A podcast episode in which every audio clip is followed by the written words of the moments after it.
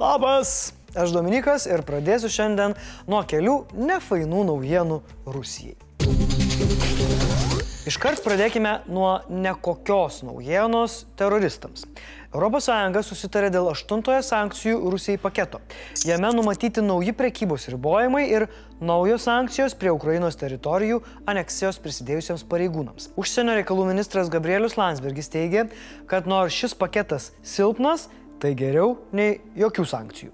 Bet jos dar nėra priimtos.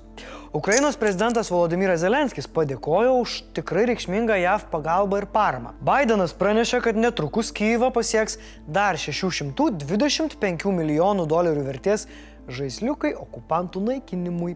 Šis papildomas paketas privertė rusus imtis pačio baisiausio savo ginklo - grasinimų. Rusijos ambasadorius JAV Anatolijus Antonovas perspėjo Ameriką, kad jos nemažėjanti parama Ukrainai kelia pavojų Maskvai ir gali įtraukti valstijas į tiesioginį karą su Rusija. Rusija yra daug kartų grasinusi ir Ukrainai, bet ši vis dar atsiminėja sėkmingai savo žemės. Kariai gana greitai ir galingai puola pietuose ir šalies rytuose, atkovodami dešimtis gyvenviečių. O drebantis, nukrešęs senolis karo nusikaltelis pasirašė įstatymus dėl keturių Ukrainos regiono aneksijos, prijungdamas juos prie Rusijos savo įsivaizduojamame pasaulyje. Nepaisant Rusijos vykdomų karo nusikaltimų, JAV neatsisakė į kosmosą skraidinti rusų kosmonautės Anos Kikinos. Ana SpaceX kosminėme laive iškeliaus į tarptautinę kosminę stotį. Džiaugkis, Ana, tu ką tik išvengiai mobilizacijos. Tuo tarpu Lenkija laiko nešvaisto ir ruošiasi galimiems Rusijos išpoliams. Prezidentas Andžėjus Duda pranešė, kad Lenkija derasi su JAV dėl dalyvavimo bendro branduolinio ginklo naudojimo programoje. Dalyvaujančios šalis konsultuojasi ir bendrai sprendžia dėl branduolinių ginklų politikos, prižiūri reikalingą techninę įrangą, saugo branduolinius ginklus savo teritorijoje. Puikus Putino pasiekimai per septynis karo Ukrainoje mėnesius, su kuo mes ir sveikinam. Na ir užbaigime, kaip ir pradėjom, labai geromis žiniomis. Estijoje 43 Vladimiras gegužės 11 dieną Afkantaktė parašė, kad renka lėšas, už kurias nori Rusijai nupirkti dronų. Vladimiras lėšas surinko, nupirko dronus ir bandė juos išvežti Rusiją. Tačiau Gerieji estų pasieniečiai vyrą sulaikė, dronus konfiskavo ir patys juos išsiuntė į karą. Ukrainiečiams, ta prasme. Slavo estų pasieniečiams. Lietuvos futbole toliau vyksta nesąmonių pasiutpolkė. Gali būti, kad greitų metų jos nebeliks tos pasiutpolkės, nes nebeliks ir futbolo. Seimo biudžeto ir finansų komiteto posėdėje sudalyvavę UEFA atstovai pagrasino, kad jei Lietuva priims tiesioginio LFF valdymo įstatymą, federacijos narystė UEFA ir FIFA bus suspenduota. Ką tai reikštų Lietuvai?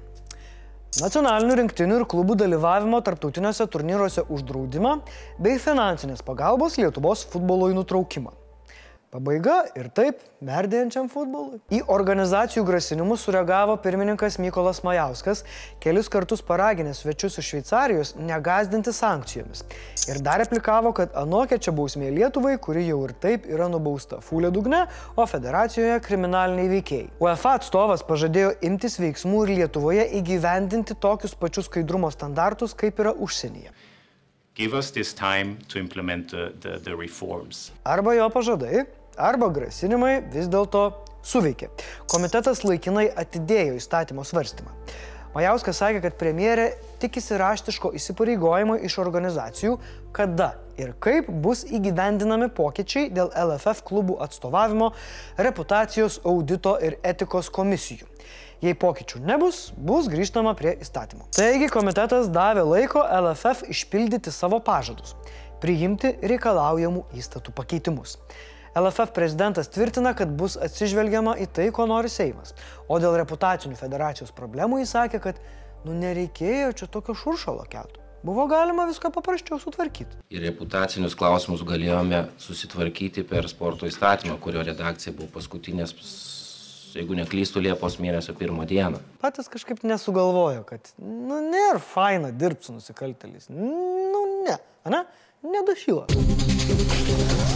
Bloga žinia kontrabandininkams. Lietuvoje rūkančių žmonių sumažėjo iki 1 procento. Jokauju.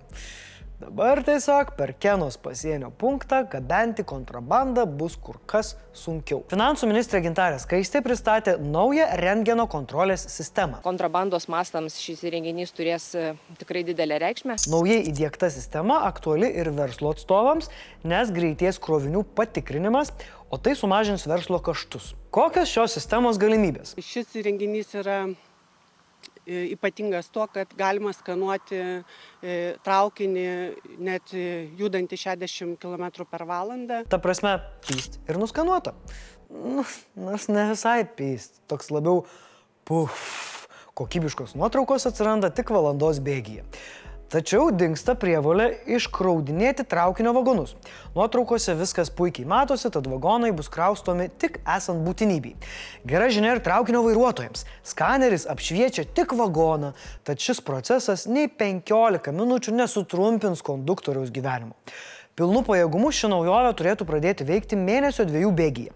Nors traukinių srautas iš Baltarusijos yra pamažėjęs, per dieną sieną kerta nuo 4 iki 8 prekinių traukinių sastatų. Kontrabandistai turėtų sunerimti ir dėl kitų pasienio punktų. Mat per artimiausius dviejus metus rengeno kontrolės sistemas planuojama įrengti Stasylų ir Kybartų geležinkelio punktuose. Visa ši Keno pasienio punktą sauganti sistema kainavo pusšešto milijono eurų. Anksčiau Kenoje veikęs rentgenas sugedo prieš maždaug septynerius metus ir nuo tada traukinius reikėdavo tikrinti rankiniu būdu. O tai labai, labai, labai užknisa ir ilgai trunka. Nu ir nežinom, ar tikrai ten viską randa. Tai, puf, ir praslysta kontrabanda į Lietuvą.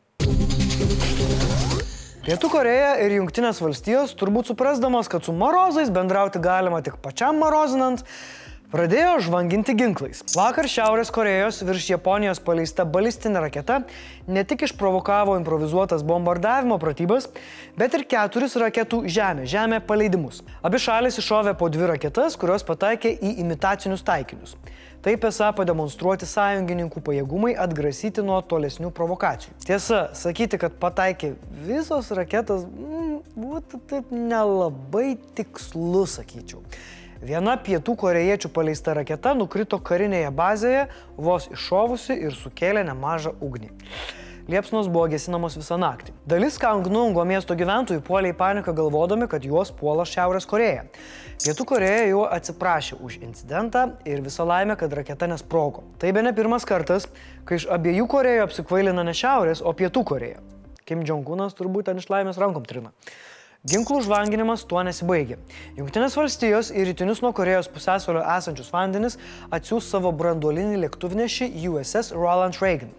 Pastarai kartą šis gigantas buvo atplaukęs į Pietų Koreją rugsėjai, kai dalyvavo šalies ir JAV karinių jūrų pajėgų pratybose. Be viso to, šiandien įvyko Junktinių tautų saugumo tarybos posėdis Šiaurės Korejos siautėjimui aptarti. Taigi dabar gal Kim Jong-unas nebe taip trina rankomis džiaugsmo, o aš trinsiu rankomis iš džiaugsmo, jei uždėsit like. O dar labiau, jei prenumeruosite mūsų kanalą paspaudę varpelį. Blitz naujienos. Vilniaus Antakalnio kapinėse apipaišytas paminklas sovietų kariams, parašytas necenzūrinis žodis pedikai. O laukiant Junktinių tautų žmogaus teisų komiteto sprendimo dėl šių skulptūrų, jos bus laikinai apdengtos audeklu. O nuo Vilniaus mero tai bus padaryta siekiant neerzinti žmonių, taip pat prevenciškai saugantis ir nuo vandalizmo aktų. Šių metų Nobelio chemijos premija paskirta amerikietiai Carolyn R. Bertosi, Danui Mortenui Meldalui ir amerikiečiui K. Beriui Šarplesui už klik chemijos ir bioortogonalinės chemijos vystimą. 2022 m. Nobelio chemijos premija skiriama už sudėtingų procesų palengvinimą. Nesutikdamas į Europos vadovų tarybą tariantis dėl energetikos deleguoti premjerės Šimonytės, prezidentas Nausėda prisijėmė tiesioginę atsakomybę parvežti mažesnės kainas, sako Gabrielius Landsbergis. Ministras akcentuoja, kad jis, kaip ir visi kiti šalies elektros vartotojai, laukia labai teigiamų rezultatų. Verslininkas Elonas Muskas pasiūlė nupirkti Twitter už pradinę sutartą kainą. Tai jis padarė likus kelioms savaitėms iki numatytos bylos nagrinėjimo teisme pradžios, iškeltos dėl jo pastangų pasitraukti iš sandorio. Gal jūs ir nežinojat, bet leopardai yra tiesiog dideli, labai dideli kačiukai. Chubby belly, chubby belly, chubby, chubby. He's so chubby. Na, dabar metas jūsų žodžiui. Vakar Dunga Dunga jokavo, jog šuniukas iš vakar žinių susižeidė, nes nenori būti mobilizuotas. Aš taip pasakysiu. Jei kažkuri valstybė pradės mobilizuoti šuniukus į karą, jau tikrai galit brandoliniam bombą mest ant jų. O Danutė parašė, ta animacija už nugaros kartais atrodo taip, kad Dominikas yra su sparnais. Gražu. Ačiū Danutė, kad jūs žinotumėt, kaip aš kartais noriu tiesiog išskristi iš čia. Niekur tu neskrisi, Dominikai. Nu va, redaktorė sako, niekur tu neskrisi, seneliuk, nusileisk ant žemės. Tiek žinių.